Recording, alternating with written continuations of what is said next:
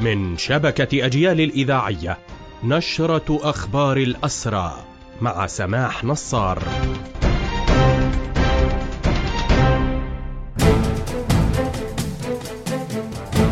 أهلا ومرحبا بكم إلى هذا اللقاء.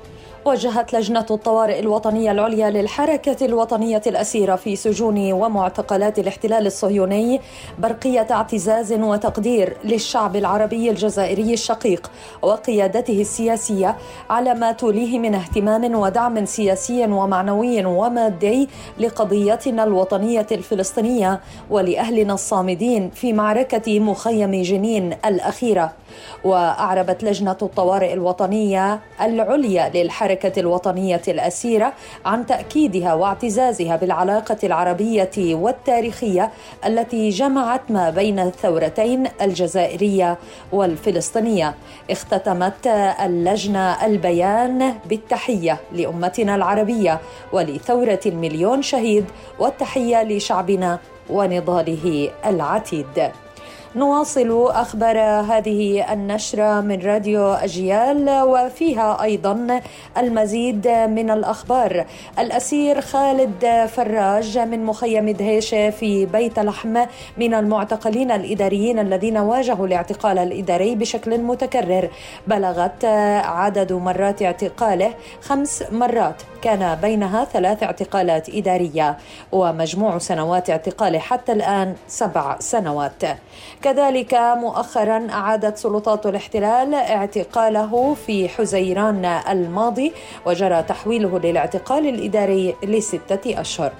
أعداد المعتقلين الإداريين في تصاعد مستمر وفق ما أعلن نادي الأسير حيث أشار إلى أن عدد المعتقلين الفلسطينيين إداريا في سجون الاحتلال الإسرائيلي يبلغ 1132 معتقلا بينهم 18 طفلا وثلاث أسيرات إداريات. شنت قوات الاحتلال حملة اعتقالات طالت منذ الليلة الماضية وحتى فجر اليوم تسعة مواطنين من مناطق متفرقة في الضفة. توزعت عمليات الاعتقال على الخليل رام الله نابلس طول كرم والقدس. كذلك أفرجت قوات الاحتلال عن الشاب حنظلة رحال من بلدة ترمسعية بعد اعتقاله فجر اليوم. في أخبار هذه النشرة حالة من التوتر لا تزال تخيم على سجن النقب منذ الليلة الماضية بعد تدهور طرأ على الوضع الصحي للأسير رائد بدوان ومماطلة إدارة سجون الاحتلال في نقله للعيادة. الأسير بدوان معتقل منذ عام 2015 يبلغ من العمر 59 عاما وهو محكوم بالسجن لثمانية عشر عاما.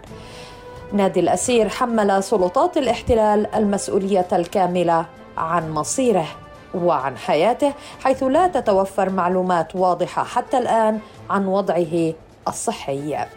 في أخبار نشرتنا أيضا معتقل منذ 37 عاما. هو الأسير أحمد أبو جابر الذي دخل عامه الثامن والثلاثين في سجون الاحتلال. ومن الأسرى القدامى بشكل متواصل معتقل منذ ما قبل عام 93 ويبلغ عدد الأسرى القدامى في سجون الاحتلال اليوم 22 أسيرا عقب الإفراج مؤخرا عن الأسير بشير بشير الخطيب الذي أمضى 35 عاما في سجون الاحتلال. أقدم الأسرى في السجون هو القائد محمد الطوس المعتقل منذ عام 85 وهو عميد الأسرى. نواصل في أخبار نشرتنا. الأسير حبيب فواز خميس أبو عابد من يعبد في جنين دخل عامه العشرين على التوالي في سجون الاحتلال. الاحتلال هدم منزل عائلته. عقب اعتقاله وخلال سنوات أسره توفي والده وتوفيت والدته وهو داخل الأسر وحرمه الاحتلال من وداعهما. بهذا مستمعينا تنتهي هذه النشرة الخاصة بأخبار الحركة الأسيرة قدمناها لحضراتكم من راديو أجيال تحية الحرية لأسر الحرية وتحياتي سماح نصار